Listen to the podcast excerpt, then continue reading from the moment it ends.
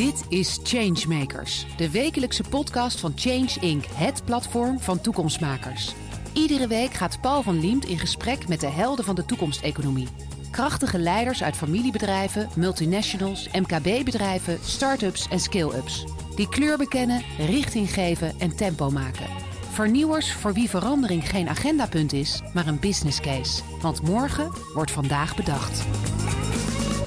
Lindy Hensen is medeoprichter van Teco en Peel Pioneers. Peel Pioneers wint ingrediënten uit sinaasappelschillen die vervolgens worden gebruikt in levensmiddelen, cosmetica en schoonmaakmiddelen. Lindy Hensen wil substantieel bijdragen aan een duurzamere wereld door aan circulaire en biobased oplossingen te werken. Lindy, welkom. Dankjewel. Ja, geweldig hè, die hele introductie achter elkaar en daarvoor ook al de intro en zo. Je begint bijna te glimmen, of niet? Ja, ja het is al uh, heel complimenteus allemaal en gaaf om, uh, om mee te maken. Het is ook voorkomen terecht natuurlijk. Hè. Dat gaan we ook in dit interview merken en zo. Je weet, de lat ligt meteen heel erg hoog. En we mm -hmm. beginnen met het duurzame nieuws. Dat doen we altijd. Het ja. duurzame nieuws van de laatste ja. tijd dat jou is opgevallen. Ja. Ja, ja. Nou, uh, in februari heeft uh, Circle Economy heeft het Circularity Gap Report uitgebracht. Ik weet niet of jullie dat hebben gelezen, maar dat was ja. een heel mooi rapport, denk ik, uh, waarin eigenlijk naar voren kwam dat slechts 8,6% van onze economie op dit moment circulair is. Nou, dat is natuurlijk heel weinig. Maar het rapport liet ook zien dat er nog enorm veel potentie is en dat het enorm kan bijdragen ook aan, aan, het klimaat, aan de klimaatverandering problematiek. Goed dat je het zegt, want die 8,6 vond ik ook heel klein. Misschien dat, dat wij beiden iets te veel wellicht in zo'n bubbel zitten, waardoor je denkt dat iedereen het over heeft en dat het gemeen goed is. Dat is het niet. Nee. Maar vond je uit het rapport blijken dat er inderdaad ook, uh, ja natuurlijk is er dan nog uh, 92% te halen, als we echt wiskundig gaan doen, bijna dus. Mhm. Mm -hmm. Maar uh, dat er ook echt aanwijzingen zijn voor zo'n versnelling, dat er ook echt iets gaat gebeuren op dat gebied? Nou, ik mag het hopen. Uh, er staan natuurlijk een heleboel ideeën in zo'n rapport. En dat is wel uh, waar ik me dan druk over maak. Dus waar gaan de mensen opstaan die het ook echt gaan doen?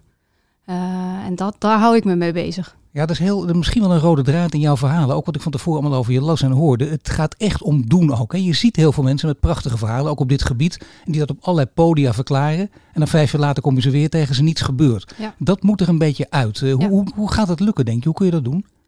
Uh, ja, hoe kan je dat doen? Eh, Je kan het doen door het te gaan doen. Dus ik denk dat we vaker uh, met elkaar gewoon actief moeten experimenteren. Hè? Dus als je een idee hebt, uh, bijvoorbeeld rondom sinaasappelschillen, of rondom koffiedik, of rondom uh, weggegooide bananen, om maar een paar voorbeelden te noemen. Dan begint dat met zorg maar gewoon eens dat je die sinaasappelschillen krijgt. En eens gaat uitzoeken wat daar dan allemaal in zit en wat je daar allemaal mee zou kunnen doen. Experimenteren in je keuken, experimenteren in een pilotruimte. Denk erover na, ga praten met mensen. Uh, en kijk hoe je, die, uh, hoe, je, hoe je business kan bouwen. Het is bijna, ik zou, durf het haast niet te zeggen, maar toch bijna de wetenschappelijke aanpak. Hè, waar je inderdaad ook moet proberen en moet gaan onderzoeken en tegen allerlei fouten aanloopt en dan leert. Misschien, uh, ik had gedacht, ik ga er later over beginnen, maar laten we het met thema doen. Peel Pioneers, want ja, de schillenboer van de 21ste eeuw wordt jou genoemd in quote, in heel positieve ja. zin natuurlijk. Ja. En je zegt, je bent het gewoon gaan doen. Dan denken mensen misschien, ja, wat een open deur, maar dat is het juist niet. Hè? De meeste mensen doen het niet, maar je gaat niet zomaar beginnen. Ik bedoel, het is, is er letterlijk een moment geweest Waardoor jij, want jullie zijn met z'n drieën de, op, de, de, de, oprichters, waar één van jullie drieën dacht: hé, hey, schillen, daar kun je wat mee. Of zat er toch wel een verhaal achter? Ja, nou, er zit wel een verhaal achter. En misschien is het verhaal toch goed om even één stap terug te doen. Teco zijn wij ooit gestart vanuit de frustratie dat er te veel werd gepraat. En uh, hebben we vervolgens volledig gericht op innovaties gaan doen. Um, en je... voor de duidelijkheid, dat je andere bedrijven, gespecialiseerd in innovatie en de uitvoering ervan bij bedrijven. Ja, en zo snel mogelijk naar de markt brengen van bedrijven, inderdaad. En wat we daar op een gegeven moment ook tot de conclusie kwamen van je, ook daar, je, je moet op een gegeven moment voorbeelden gaan creëren. Want die voorbeelden die, die, die zullen tot de verbeelding spreken en van daaruit kun je verder bouwen. En Peel Pioneers was voor ons de kans om ook een voorbeeld te gaan creëren. Uh, voor innovaties doen. Niet alleen investeren, maar zelf ook aangeven wat je kunt doen. Zelf doen, ja. ja, ja. Dus Bas en ik, uh, Bas van Wieringen en ik, hebben zes jaar geleden Teco opgezet. En op een gegeven moment kwamen we, kwamen we Sietse van Stemvoort tegen. En die stond eigenlijk op een sinaasappelkistje ergens te praten over dit fantastische idee om vanuit sinaasappelschillen mooie dingen te gaan doen. En toen dachten wij, jeetje, wat een leuke vent en wat een gaaf idee zou dit niet het idee kunnen zijn waarmee we kunnen gaan bewijzen dat het gewoon kan en dat we het gewoon kunnen gaan doen? Maar je bent niet helemaal gek, je denkt er goed over na, maar het is ook intuïtie, wat hier dus uh, echt een rol heeft gespeeld. Uh, ja, het is intuïtie en ondertussen toch ook wel een boel ervaring met hoe, uh, wat zijn nou de kritieke dingen waar je op moet letten op het moment dat je zo'n business gaat bouwen. En dan stapje voor stapje steeds verder komen. Maar dat willen we wel graag weten. Ik denk iedereen die dit hoort ook en die ook in deze richting denkt, wat zijn dan die kritieke momenten? Waar moet je op letten? Ehm, je moet letten op, uh, nou, is het een goede business case? Hè? Want ik denk dat er heel vaak, uh, zeker vanuit de duurzaamheidshoek, uh, wordt er toch veel Ja, soms zit het nog een beetje in de geitenwolle sokkenhoek. Hè? En ehm, ja, dat kan niet. Als je dingen groot wil maken en je wil echt grote duurzame impact maken, dan moet daar een model achter zitten. Uh, dus je moet kijken naar, is er een business case? En op wat voor manier is er dan een business case? Dat is echt kritisch. Uh, en om een business case te hebben, heb je klanten nodig. Dus waar zit nou eigenlijk de toegevoegde waarde van wat je gaat doen? En een grote ontdekking die we bij Peel Pioneers deden, is dat die waarde zat niet alleen maar in de ingrediënten die we uit onze schillen kunnen halen, maar ook juist in de verwerking van schillen. Want dat werd gewoon een steeds groter probleem. Met dat meer mensen verse jus willen gaan drinken, wordt de afvalstroom, de voormalige afvalstroom, sinaasappelschillen steeds groter. En dat, ja, dat, dat waren ze niet gewend bij de, bij de, bij de traditionele afvalverwerkers. Dus dat, dat was een probleem. Zowel in de vergisting als in de verbranding. Uh, en wij losten gewoon een probleem voor ze op. En dus ook de industrie een, beetje, industrie een beetje opschudden, probleem oplossen vinden ze inderdaad prettig. Ja. Uh, natuurlijk is het wel zo, omdat het een business case wordt, en dat zie je vaak bij, laten we zeggen, tussen aanhalingstekens dan de, de, de, idealistische geiten sokkenwereld. Die zeggen, ja, maar er liggen te veel obstakels op de weg en dan moeten we ook te veel concessies doen. Wat zeg je tegen de mensen die, die houden het vaak tegen om dan groter te worden en verder te gaan? Ja. Wat zeg je tegen die mensen? Ja, ik heb dat vaak gezien. Um, ja, ik, ik wens ze veel pragmatisme toe. Uh, het is vaak een discussie over zuiverheid. Hè? De een wil, wil nog zuiverder zijn dan de ander. Ja, ja, dat klopt. Maar ik denk dat je gewoon, je kan niet in één keer van 0 naar 100. Ja. Dat, dat kan niet. Dus je moet stapjes nemen en accepteren dat je eerste stapje misschien een compromis is. Maar dat je die zet om uiteindelijk tot iets groters te komen. Nou, we praten hier zo meteen over, over je bedrijf, je bedrijf veel verder. Maar eerst wil ik even van je weten, hoe zit het met, met, met duurzaamheid in brede zin? Hè? Wanneer was voor jou het moment dat je zegt, dit vind ik echt belangrijk? Was het al op, op, op een middelbare school met de paplepel ingegoten? Nou, mijn ouders hebben daar altijd wel, uh, wel op gelet. Uh, ik denk dat voor mij echt het, het, het grote moment kwam toen ik aan het eind van mijn studie moest bepalen wat ga ik nou eigenlijk doen met mijn leven. Toen heb ik echt gedacht, het moet ergens over gaan. En dan gaat het over duurzaamheid. Dan wil ik graag dat, ja, dan wil ik gewoon graag dat we beter in balans met de, met de wereld, uh, een betere balans met de wereld gaan vinden. Maar zijn er mensen omheen die daar een zetje hebben gegeven, bijvoorbeeld een leraar of later op universiteit of, of medestudenten? Um, nou, ik denk dat ik in mijn afstudeerstage heb ik uh, gewerkt bij een bedrijf NPSP Composieten. Die, uh, die maakte biobased uh, composieten. En die, dat waren twee heel bevlogen ondernemers. En ik vond dat zij ook al in hun tijd lieten zien dat het wel kan. Er zat ook een bepaalde eigen wijsheid achter. Die ik ook, ook heel erg van mijn vader heb meegekregen. Dus daar, ja, daar, daar is het wel zo'n beetje begonnen. Ik wou net zeggen, ja. zeker eigen wijsheid is nodig. En daar hoort ja. altijd ook doorzettingsvermogen bij. Hè? Mensen ja. om je heen, simpel gezegd, lach je uit. Je gelooft het wel en je gaat gewoon door. Ja.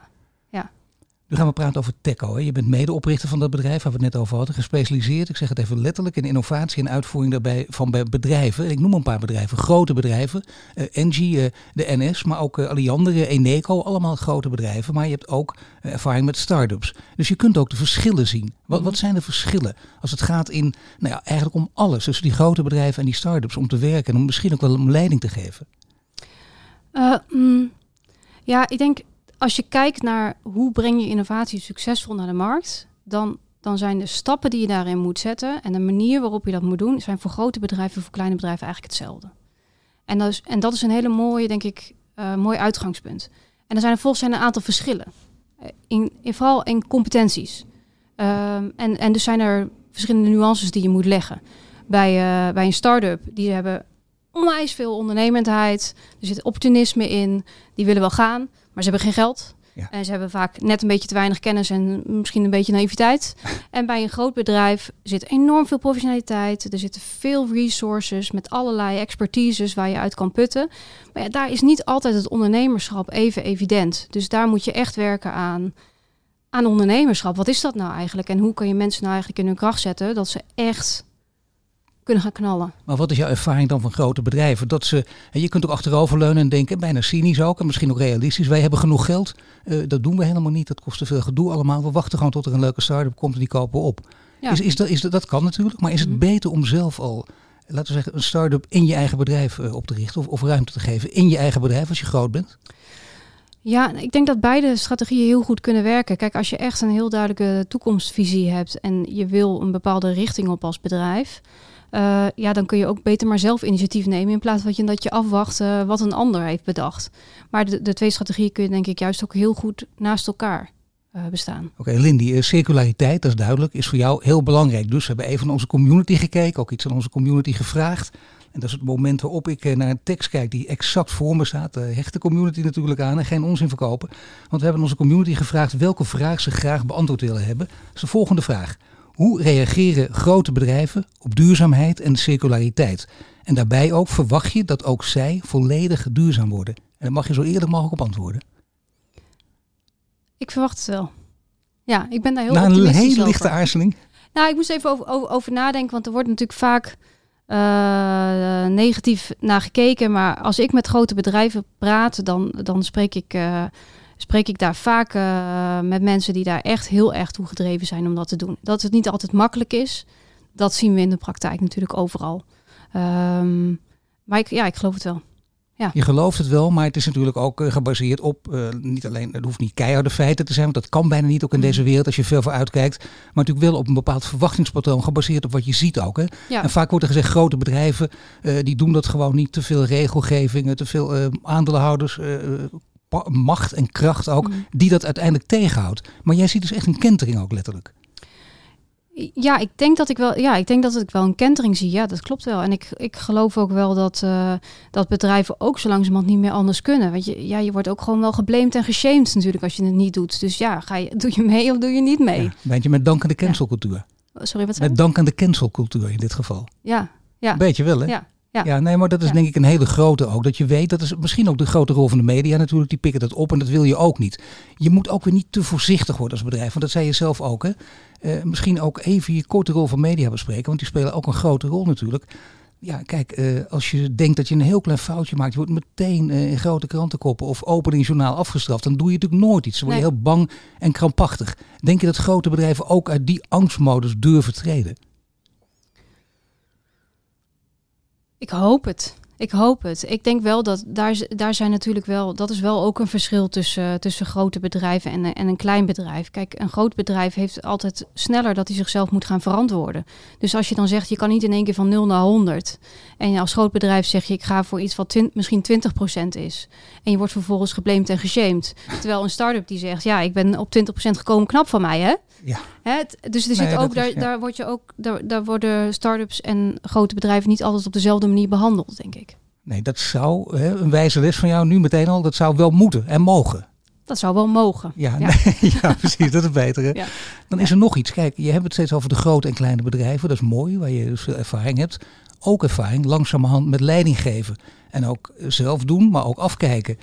Kun je zeggen dat, dat, dat, dat je een bepaalde stijl van leiding geven langzamerhand bij jezelf kunt ontdekken? En je mag niet zeggen, dan moet je een andere vraag. Want ik probeer even kijken of je er zelf ook op reflecteert. Ehm, ik, vind het niet een, ik vind het niet een makkelijke vraag. Want het is, wat, wat, is leiderschap, wat is leiderschap nou eigenlijk? En ik, Nou ja, precies, dat is het. Wat Ehm, is het voor jou? ja, wat is het voor mij? Ik denk, eh, voor mij is het laten zien dat het kan. En ik hoop eh, ehm, dat ik mensen kan inspireren om te kijken naar waar ze zelf echt warm van worden. En waar ze zelf eh, ondernemend op kunnen zijn. Maar is het bij jou iets dat vanzelf, zich vanzelf ontwikkelt? Of is het voor jou belangrijk om daar veel over te lezen, cursussen te volgen, eh, naar voorbeelden te kijken? Het wordt misschien tijd dat ik wat cursussen ga volgen. ja, nee. Nou nee, dat is heel mooi als je dat gewoon Ja. toch van nature bijvoorbeeld in je hebt. Je ziet het toch heel vaak bij mensen die eh, met een bedrijf beginnen. Het bedrijf wordt groter en dan hoort daar inderdaad ook van alles bij. Ja. En dat kun je allemaal delegeren. Ja. Maar voor een deel blijf je ook de leidinggevende waar anderen naar kijken. Ja. En dat vereist ook een andere rol. Heb, je- Ja. heb je zo'n eh, verandering ook bij jezelf gezien? Zeker, en daar zit ik ook middenin. Ja, oh, dat is helemaal mooi. Ja, ik vind dat, dat dat is iets van de afgelopen twee jaar. Heb je twee organisaties die gewoon enorm aan het groeien zijn. En je merkt dat je andere vragen op je afkrijgt. En het vraagt dus ook een ontwikkelstap van mij persoonlijk om daarin eh, in mee te gaan. En daar ben ik, zit ik vol in. Super leuk om, eh, om maar dat, weer te doen. dat, is, dat is bijna opwindend ook als je daar middenin zit natuurlijk, denk ik ook. Maar waar loop je tegenaan? Of wat vind je juist heel prettig? Ehm, nou, wat, wat ik de grootste uitdaging vind, is, dat, is dat, die, dat ondernemerschap. En dat ondernemerschap betekent voor mij niet per se dat je je eigen bedrijf moet beginnen. Maar dat ondernemerschap gaat over, kun jij zelfs als je binnen een grote organisatie zijn, kun je, kun je ondernemend gedragen? Voel je je vrij om dat te doen? En op welke onderwerpen wil je dat dan doen? En de grote vraag waar ik mee loop, en waar ik mee bezig ben, is hoe, hoe kun je dat bij mensen, dat vuurtje bij mensen aanstoken? Dat is uh, dus iedereen die daar suggesties over heeft, die mag zich bij mij melden. Uh, nou ja, net, nee, ja, dat is trouwens heel goed dat je ja. zegt. Uh, via ons mag het gewoon ook gaan. Wie weet, dan kunnen we alles verzamelen. Maar je merkt het nu zelf ook, hè, dat je, want je wil het graag ook duurzaamheid anderen in staat stellen, ook om duurzaam te ondernemen. Proberen ze te stimuleren ook. En dan doe je dat dus nu ook al. Want je bent hè, in dat proces, zeg je ook. Hè. Dan zeggen mensen heel vaak, en dat lees je in de boekjes ook, maatwerk is het belangrijkste. Maar dat kun je heel makkelijk roepen. Maar wat is dat? Dat moet je zelf ervaren. Maar ben jij iemand die in staat is om heel snel te schakelen. Ook op de, tussen aanhalingstekens dan maar met een lelijk woord, de werkvloer. De, de een moet je heel ja. stimuleren, de ander meer met de rust laten. Dat je daar snel kijk op hebt. Ja. Ja, ik, ik, ik denk dat het wel hoort ook bij het vak überhaupt. Bij het vak uh, innovatie. Dat vraagt schakelen op veel verschillende onderwerpen en met veel verschillende mensen. Dus ja, dat denk ik wel. En hoe zit het met risico nemen? Want dat is mooi omdat je midden in dat proces zit. Hè? Hoeveel risico durf jij te nemen? Van, van huis uit en, en nu? Is er een verschil bijvoorbeeld uh, in, als je tien jaar geleden kijkt naar de Lindy van toen en nu? Ja. Ja, absoluut. Ja, dat is wel iets wat je leert. Ja, je leert uh, comfortabeler te zijn met risico's nemen.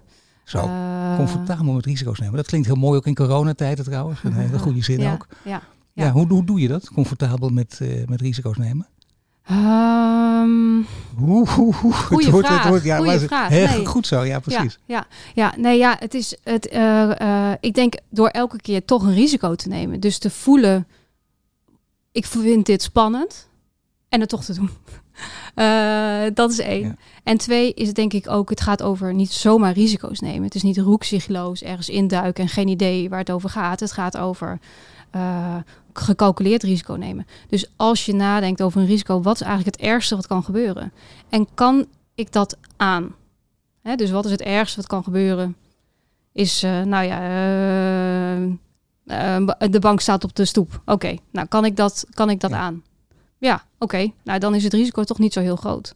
Ja, dat ik een hele goede. Ja. Dat je gewoon inderdaad het allerzwarte scenario gewoon bekijkt. En je denkt, ja. nou kijk, als ik dat aan kan, dan kan ik rustig verder. Ja. Hoewel, uh, dat merk je denk ik in je omgeving ook. Mensen die denken dat ze ondernemer zijn of ondernemer, maar die het toch niet echt zijn. Want dan liggen ze één nachtje naar het plafond te staren. En dan denken ze ook dat het alleen maar leuk was. Dat hoor ik heel vaak. Mm -hmm. En dan, ja, dan moet je bijna echt gaan toespreken, wat bijna paternalistisch is. Maar het is niet waar, denk ik ook. De nee. praktijk hoor ik ook natuurlijk van alle leidinggevende ondernemers. Je hebt die verantwoordelijkheid en dat brengt dat met zich mee. En dat uh, levert ook af en toe slapeloze nachten, ja, of niet? Zeker, levert de slaap, ja, absoluut. Slapeloze nachten heel veel. Maar hoe kom je daar doorheen? Hè? Dat is het, wat heb je het ook ooit op een bepaald moment meegemaakt? Dan heb je een mooie basis. Is er dan ook een moment dat je denkt, nou, dit, dit kan niet meer, ik hou ermee op. Ik word gek als ik hiermee doorga. Nou, ik heb nooit gedacht, uh, ik stop ermee. Um, maar wel zware tijden meegemaakt. Ik denk uh, vorig jaar toen uh, tijdens de eerste lockdown in coronatijd, toen, ja, toen hadden we wel even bij Peel Pioneers werd het wel even heel spannend. Bijvoorbeeld, we zaten midden in onze investeringsronde. Uh, en tegelijkertijd uh, alle horeca ging dicht. Deel van de schillen komt uit de horeca. Vervolgens ging een deel van de retail, die zetten hun sapcentrifuges ook uit. Omdat ze het te spannend ja. vonden met mensen die aan die knoppen zaten. Gelukkig is dat uiteindelijk maar, heeft dat maar heel kort geduurd en heeft, is, is de supplies heel snel weer teruggeveerd. Maar dat zijn wel momenten dat je denkt, uh, wat nou, ja, wat nou? Ik word er zelf een beetje een ja, tijdens ja, dit verhaal. Ja, want, nou ja, dit is, om, want je zegt op een gegeven moment is het teruggekeerd. Hoe, hoe kan dat? Waarom is dat zo snel goed gekomen?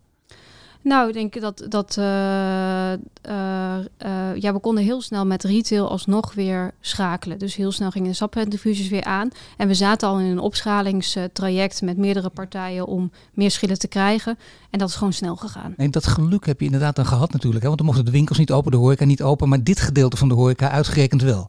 Ja, en ja, dat, dus, ja, dat ja, heeft dan echt ja. geholpen. Ja, de supermarkten zijn zelfs beter gaan draaien dan ooit. Hè? Nee, dus dat, dat is, is een deel. Ja, dat is waar. Dat speelt ook voor jullie ook een hele grote rol. Nee, zie je dat alles bij elkaar. Nee, maar ik, dat is een heel mooi, spannend moment geweest. En nog mooier misschien wel, dat je vorig jaar, ik geloof in ieder geval in november kwam het voor het eerst naar buiten. Jullie wisten dat iets eerder. Dat een grote investeerder is geweest. Jullie werden toen neergezet inderdaad als een schillenboer van de 21ste eeuw. Dan een prachtige titel natuurlijk ook.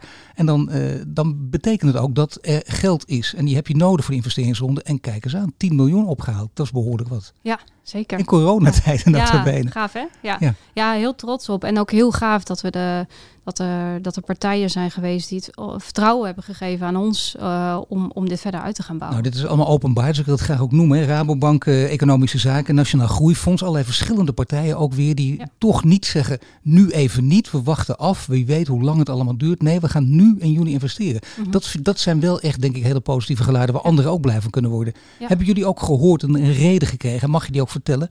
Waarom zijn met jullie uh, fors in zee zijn gegaan? Um, ja, over het algemeen wat we terugkrijgen is uh, geloof in het businessmodel, geloof in de schaalbaarheid van het businessmodel um, en het team wat er staat.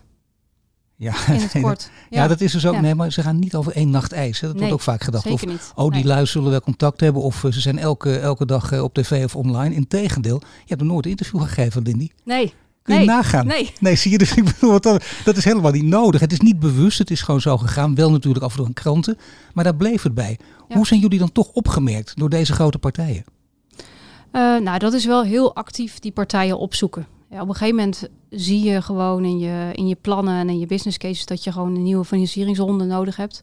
En dan is het tijd om te gaan netwerken en ook ruim van tevoren. Dus je moet de juiste contacten opdoen uh, uh, bij de juiste mensen. En daar dan vervolgens aan tafel gaan. En bijvoorbeeld uh, de BOM, de Brabantse Ontwikkelmaatschappij, die, heeft in de ja, die had al oh ja. in ons geïnvesteerd. Die ging door. Die hebben ook een ruim netwerk en investeerders. We hebben zoveel jaar geleden meegedaan aan het Imagine Chemistry programma van, uh, van Nourion. Oh. Daar hebben we Peter van Nieuwenhuizen ontmoet. En die heeft ondertussen weer, uh, is weer betrokken bij ECBF. Dat is een van de fondsen die ook is ingestapt. En zo ja, breng je langzamerhand het consortium samen die, die, die er samen de schouders onder wil zetten. Ja, dat snap ik. Ja. Dus ook echt hard werken aan je netwerk natuurlijk. Dat kan niet anders om gewoon dit voor elkaar te krijgen. Ook dat is iets wat, wat vind ik heel vaak wordt onderschat. Je gaat een paar keer, niet iedereen zegt ja waarmee je praat. Daar moet je ook echt ruim de tijd voor nemen. Ja. Is dat trouwens een, een duidelijke verdeling tussen jullie? Of doe jij, doen jullie alles door elkaar? Nee, we hebben wel echt heel duidelijke verdeling van taken, ja. ja. Wat doe jij? Ja. Uh, ik zit ondertussen natuurlijk in de Raad van Commissarissen, een nieuwe rol. Maar ja. voordat ik dat deed, uh, was ik voornamelijk bezig met de technologieontwikkeling. Dus hoe kunnen we zoveel mogelijk waarde uit die schil halen? Dat is interessant, hè? Dus eerst innovatie en daarna uh, met kritische blik kijken of het goed gaat. Ja, ja, ja, ja. Dus ik heb altijd wel naar beide gekeken. Dus altijd op een raakvlak van R&D, research and development en business development. En en daardoor, die interactie is heel interessant natuurlijk. Maar het past wel bij jou, want je zei ook van uh, duurzaamheid uh, moet je rendabel maken. Dat, dat, daar gaat het natuurlijk om. Zo moet je ook kritisch naar jezelf kijken als je ergens uh, mee begint. Maar hoe kun je dat beoordelen of ergens business in zit? Stel dat je, dat je net bezig bent, je bent net een paar maanden bezig. Mm -hmm. Je hebt een geweldig idee, je hebt een paar mensen waar je, waar je heel veel energie van krijgt om je heen. Dat is ook echt ja. belangrijk, dat snap ik. Ja. Maar dan vervolgens, hoe kun je dat beoordelen? Ja, uh, achterkant van een sigarenkistje noemen ze dat wel eens, geloof ja, ik. Dus uh, ja. ja. gewoon maak de berekening maar eens. Want wat je op dat moment weet, dat is prima. Gewoon, uh, wat, zou, wat zou de prijs zijn van je product? Wat denk je grofweg dat het zou kosten? En trek dat maar eens van elkaar af. Kijken waar je op uitkomt. En dan met een, met een redelijk positieve uitkomst. Hè? Dan bijna zo, ik, ik durf het niet negatief te zeggen, maar dat is het misschien wel voor velen. Maar dan eigenlijk amateuristisch toch denken we gaan gewoon de stap wagen. Ja, en elke keer weer een klein stapje extra. je moet elke keer opnieuw wel kijken naar, uh, naar die business case. En die business case in de eerste instantie is dat een kladje. En uh, nu is het een, uh, een Excel met, met acht tabs erin. Ja, nee, ja, dat is even wat anders. Is, ja. ja, dat zijn wel verschillen natuurlijk. Maar je raadt er nog iedereen aan in het begin, alsjeblieft blijf weg van de Excel sheets. Nou, een kleintje. ja, nee. nou ja, goed, vooruit dan. De digitalisering van het, uh, van het kladblokje. Ja. ja. Nu heb je ook een, uh, dat andere bedrijf waar we het over hadden, Teco natuurlijk. En dan kijk je ook naar, uh, laten we zeggen, naar innovaties op de markt.